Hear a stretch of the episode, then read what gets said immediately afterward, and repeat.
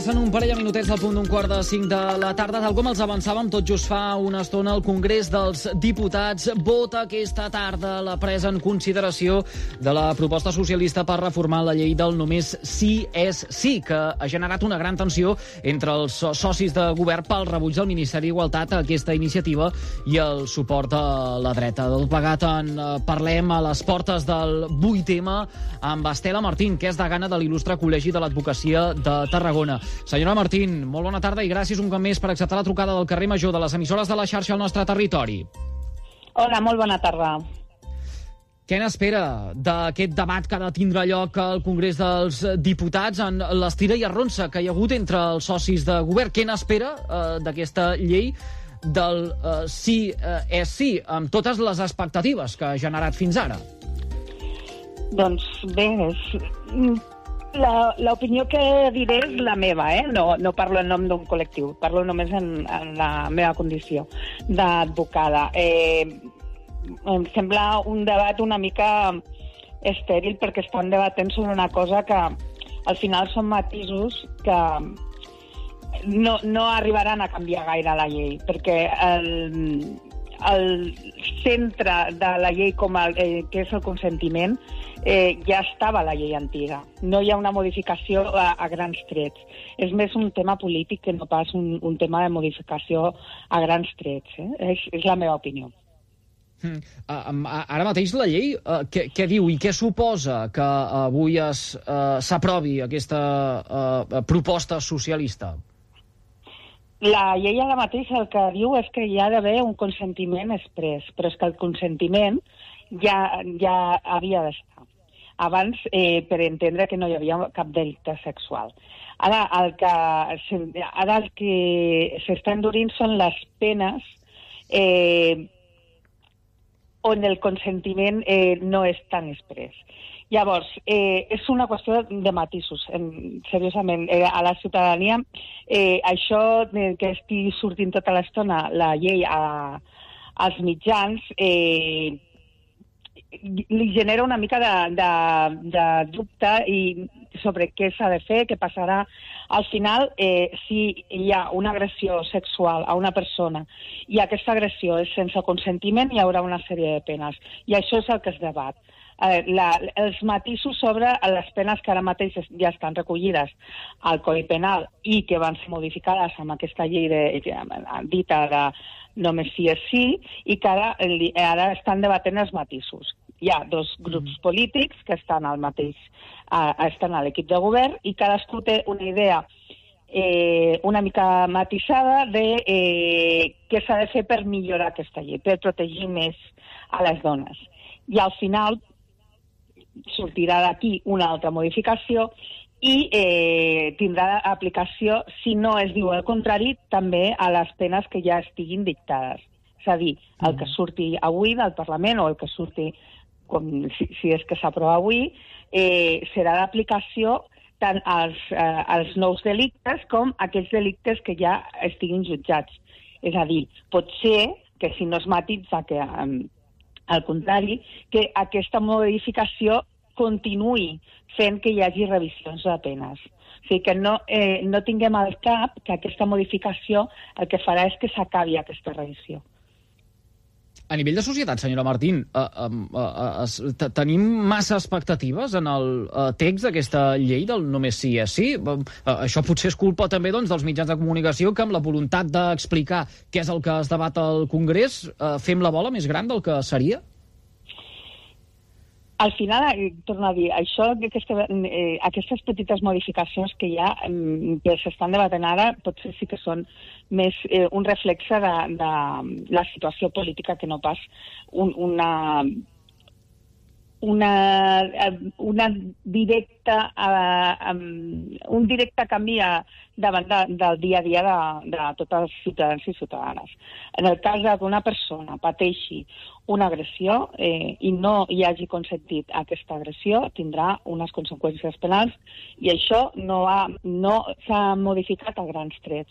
El que ha d'entendre la ciutadania tant qui pateix com, que, com qui aquell que, o aquella que tingui intenció d'agredir és que eh, si no hi ha un consentiment i hi ha un, un, un contacte sexual no, no demanat, no, no volgut, eh, se, es patiran unes conseqüències legals i seran bastant greus.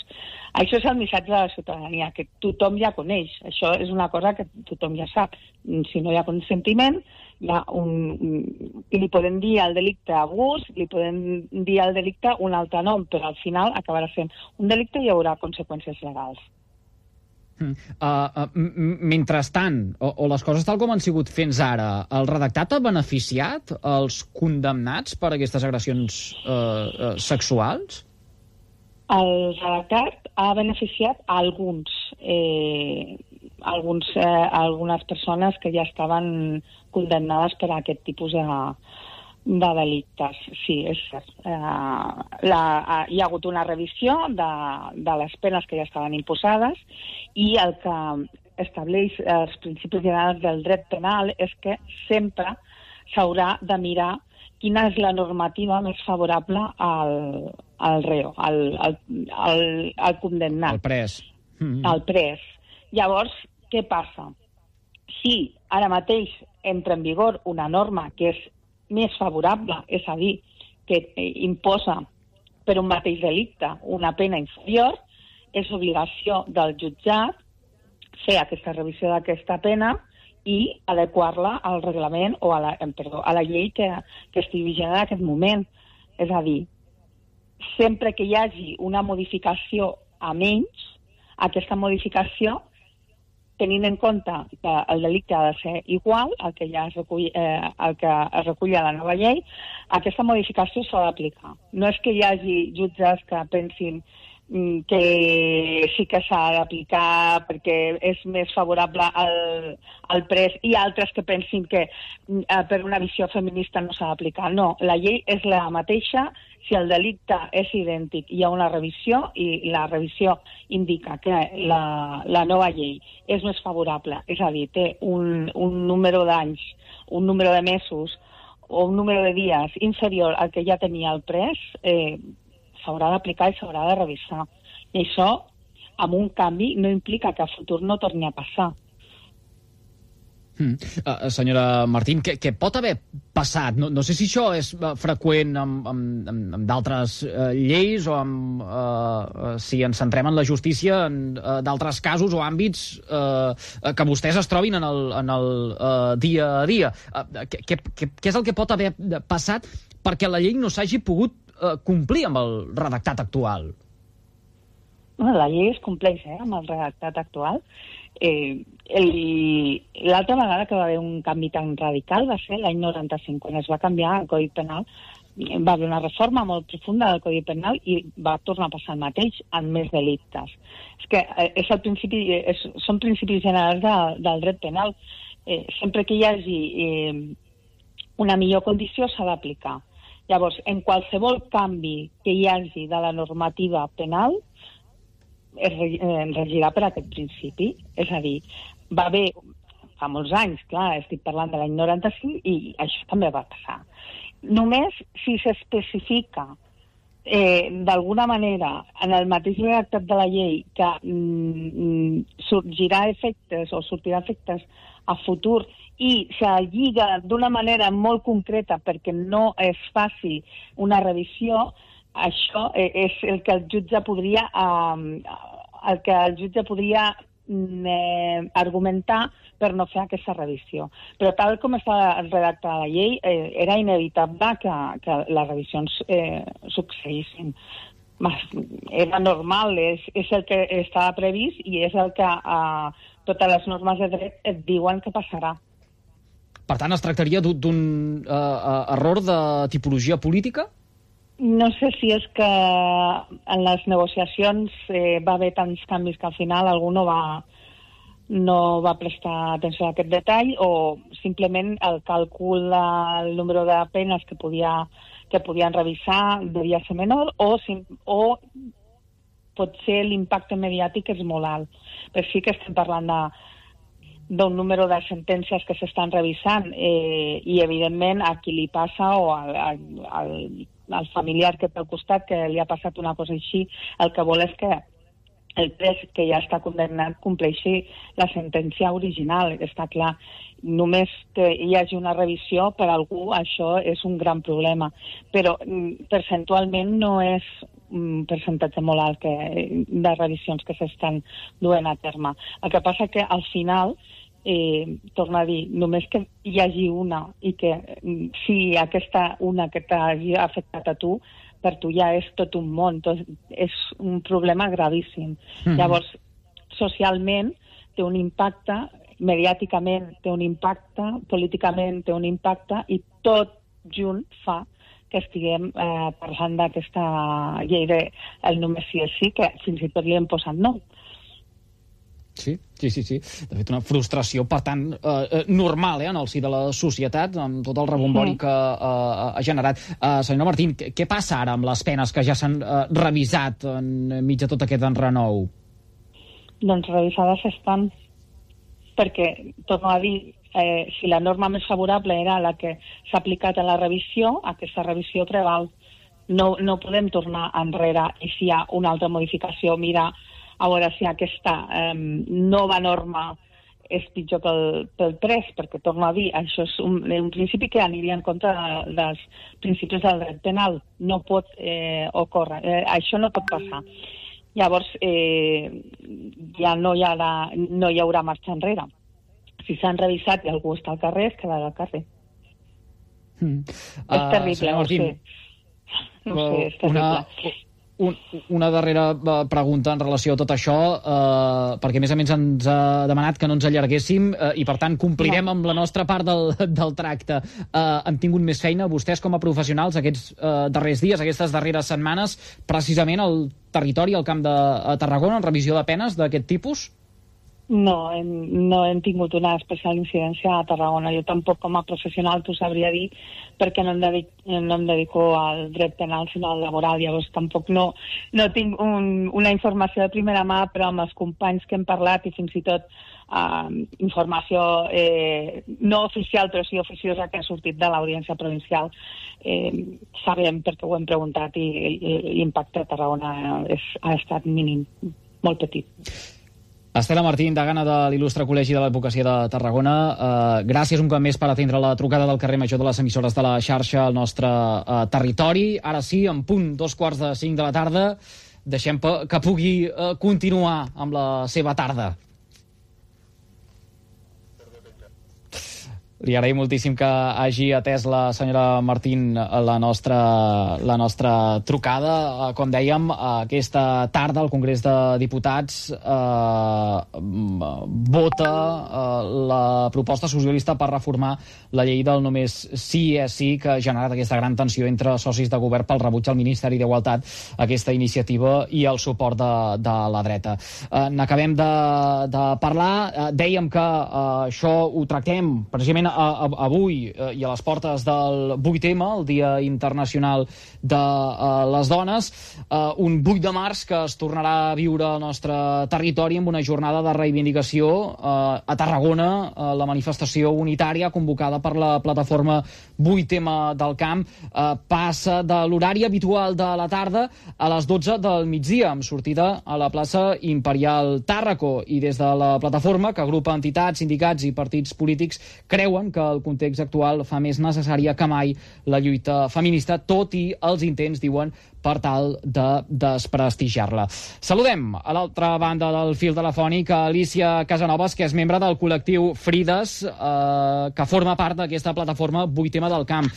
Senyora Casanovas, molt bona tarda i benvinguda. Bona tarda, gràcies tot a punt de cara a la manifestació que, com dèiem, eh, és unitària i eh, pateix un canvi eh, força notable. Eh, es trasllada de l'horari de la tarda en què estàvem acostumats a les 12 del migdia. Sí, exacte. Aquest any la plataforma ha volgut convocar al matí justament per, per reivindicar no, i convocar la gent a que, que faci vaga, no? convocada per alguns sindicats, perquè per nosaltres és molt important i com bé dius, doncs, formo part de la, formem part de la plataforma que al final és qui portem molts anys treballant per fer la manifestació del 8M. Mm. Uh, el fet que uh, avui, n'estem parlant des que hem començat el programa, el Congrés de Diputats voti uh, la presa en consideració de la proposta socialista per reformar la llei del uh, només sí és sí, totes les discrepàncies que això ha arribat a generar, la gran tensió entre uh, l'executiu de uh, Pedro Sánchez amb el Ministeri uh, d'Igualtat, el suport de la dreta, uh, fa que encara hi hagi més ganes de sortir al carrer uh, en una jornada de lluita feminista com és demà 8 de març? Bueno, ganes sempre en tenim, no? Els col·lectius treballem durant tot l'any, realment. L'únic que sí que és veritat que se'ns fa només visibles el dia del 8M, però feministes ho som tot l'any i tot i que doncs, el 25N o el 8M potser les ganes no més de la ciutadania doncs, eh, la gent se sent més interpel·lada, potser més convocada, però pel que fa als col·lectius feministes estem sempre amb ganes d'alguna manera no? de, fer, de fer activisme Arriba aquesta data, el 8M, eh, i la majoria de mitjans de comunicació ens eh, llancem precisament a enfocar continguts eh, entorn eh, d'aquesta eh, efemèride.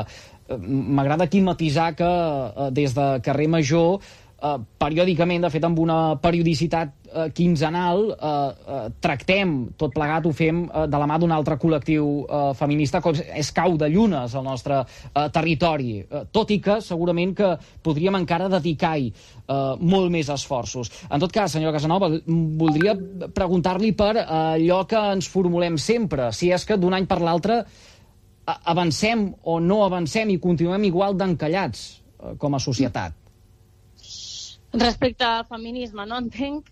Bueno, jo crec que, que les dades continuen sent alarmants, no? tant de, de violències que patim les dones com dissidències, tant de gènere sexualitats, i això fa, com, com deia, no? que continuem dia a dia lluitant, lluitant per aquest feminisme que apunta una mica eh, assenyalar el sistema, no? aquest sistema capitalista que, que ens agradeix també per aquesta part. Per això la, la perspectiva de classe i la vaga de demà és tan important, no? per això convoquem vaga. I sí, bueno, és veritat que, que el feminisme, que el fet de que uh, partits polítics, a la tele, no, als mitjans de comunicació parlin de feminisme, sembla que estigui en boca de tothom i la gent potser és més conscient i, i ara som més capaces potser les dones d'identificar el que són les violències i per això sembla que està més a l'ordre del dia, però continua sent molt, molt necessari i sobretot eh, enfatitzar que continua sent més necessari encara aquest feminisme de base no?, que defensem des de la plataforma per apuntar, com deia, a, a la problemàtica de tot el sistema al conjunt, no? sanitat, educació, eh, habitatge i molts altres factors que tenen a veure també amb la salut de les dones. Com es capgira aquesta uh, situació uh, en un context en què ens trobem, uh, en parlàvem, eh, habitatge, uh, difícil accés, uh, uh, preus amb una pujada generalitzada, uh, auge de l'extrema dreta, que uh, no Exacte. ho hem dit, uh, i, i, i després tot el que uh, té a veure amb cures que um, uh, sabem del cert que acostumen a recaure sempre en les dones.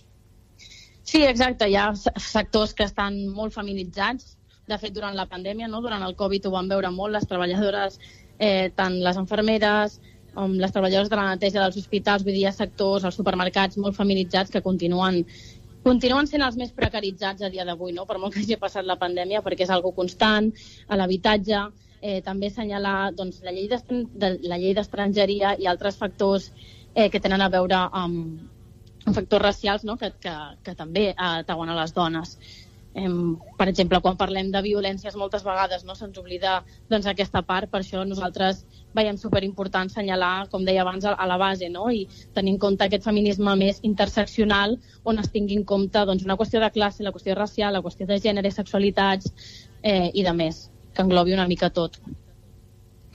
8M sense restriccions per la Covid-19, marcat això sí per algunes polèmiques amb aquesta eh, llei del només sí sí i la trans, com dèiem tot just ara fa una estoneta, en tot cas un nou 8M, un nou dia per sortir al carrer i reivindicar tots aquests, tots aquests drets. Manifestació unitària eh, aquest dimecres a partir de les 12 del migdia amb sortida des de la plaça Imperial Tàrraco.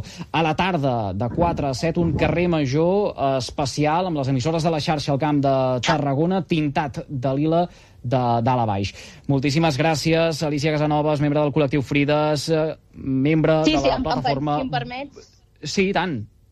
No, res, apuntar això, no, que la manifestació unitària que convoquem a no, recalcar que és al matí, que, que animem a la gent a que faci vaga que sabem que per la tarda hi ha convocades eh, altres actes institucionals, però que, bueno, que sapiguem que, que si volem recolzar d'alguna manera aquest feminisme més de base interseccional, eh, de classe anticapitalista i que portem anys treballant la plataforma tots els col·lectius del camp, doncs que és important ser-hi al matí no? I, i, i recolzar-nos d'aquesta manera, així que gràcies.